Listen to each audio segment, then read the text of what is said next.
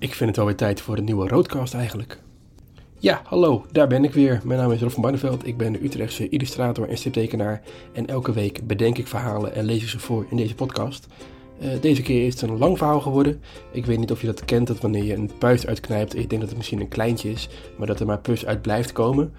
Uh, zo ging het ook ongeveer met dit verhaal. Ik bleef gewoon maar ideeën hebben en zinnen. En ik dacht van, nou ja, we gaan gewoon door totdat het niet meer leuk is.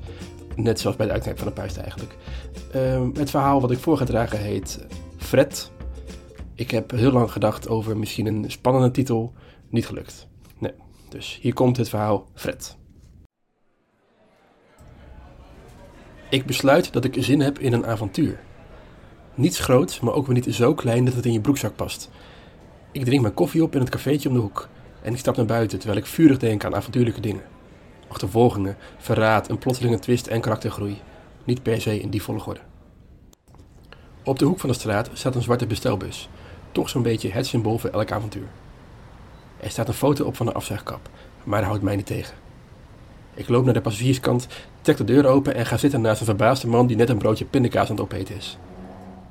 Ik kijk hem aan en zeg alleen maar: rijden. Nu. Even later rijden we over de snelweg.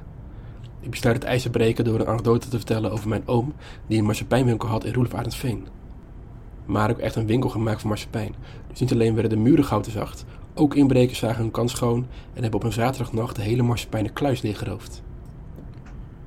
Toegegeven, een anekdote met een rauw randje, maar die bij de meeste toehoorders wel een flauwe glimlach op het gezicht brengt. Maar nu niet. Wat even later wel helpt, is dat we worden belaagd door een bende van egels. Ze hebben de weg geblokkeerd en maken opzene gebaren naar de auto's. Dit was er het nieuws vanmorgen. De egels zijn het zat om omver te worden gereden op autowegen. En nu hebben ze de krachten gebundeld om te laten merken dat ze het niet eens zijn met de huidige situatie. Maar het helpt alleen niet echt dat de blokkade bestaat uit één baksteen, waar je makkelijk overheen kan rijden. En een van de egels is in de lantaarnpaal geklommen en laat zich nu naar beneden vallen. Bam! Bovenop onze auto. Er is paniek en lawaai en toegegeven toch een klein beetje avontuur. De bestuurder weet de egel van de bus af te schudden. Ik maak uit schrik een opmerking waar hij om moet lachen en hatzee. Het ijs is er nog gebroken. Jammer dat er een dode egel voor nodig was. We raken aan de praat en hij blijkt Fred te heten. Fred de afzegkapmonteur. Hij houdt van de kleur blauw, magnetron lasagne en van die kleine ribbeldropjes omdat ze zo lekker aanvoelen tegen je gehemelte.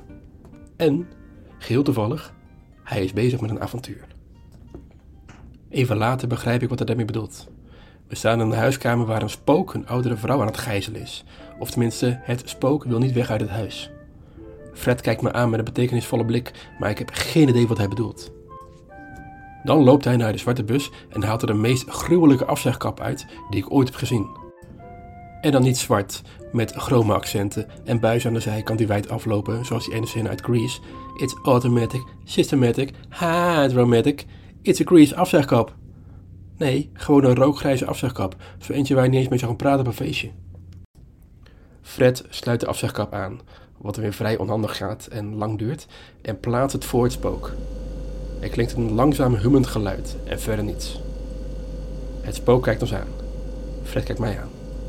Ik kijk hem aan. En ik denk, dit is niet het avontuur dat ik bedoelde. Op de terugweg blijken nog best een eind te lopen. Ik kom langs de egels die nog steeds middelvingers opsteken naar het verkeer. Langs het café om de hoek, maar ik heb een koffie gehad en ik krijg bijna avontuurlijke gedachten als ik ineens de zon hoor gapen. Hij gaat bijna onder. Morgen weer een nieuwe dag, met hopelijk een beter avontuur. Dit was mijn derde podcastaflevering. Laat weten wat je ervan vindt. Uh, volg het op uh, Spotify. Uh, laat een comment achter. Like, subscribe, mail. Ik wil heel graag wat jullie ervan vinden, want ik heb geen idee of dit iets is. Ik vond het in ieder geval wel heel leuk om te doen, dus bedankt voor dit, deze leuke ochtend. En dan wens ik je verder nog een hele fijne dag en tot volgende week.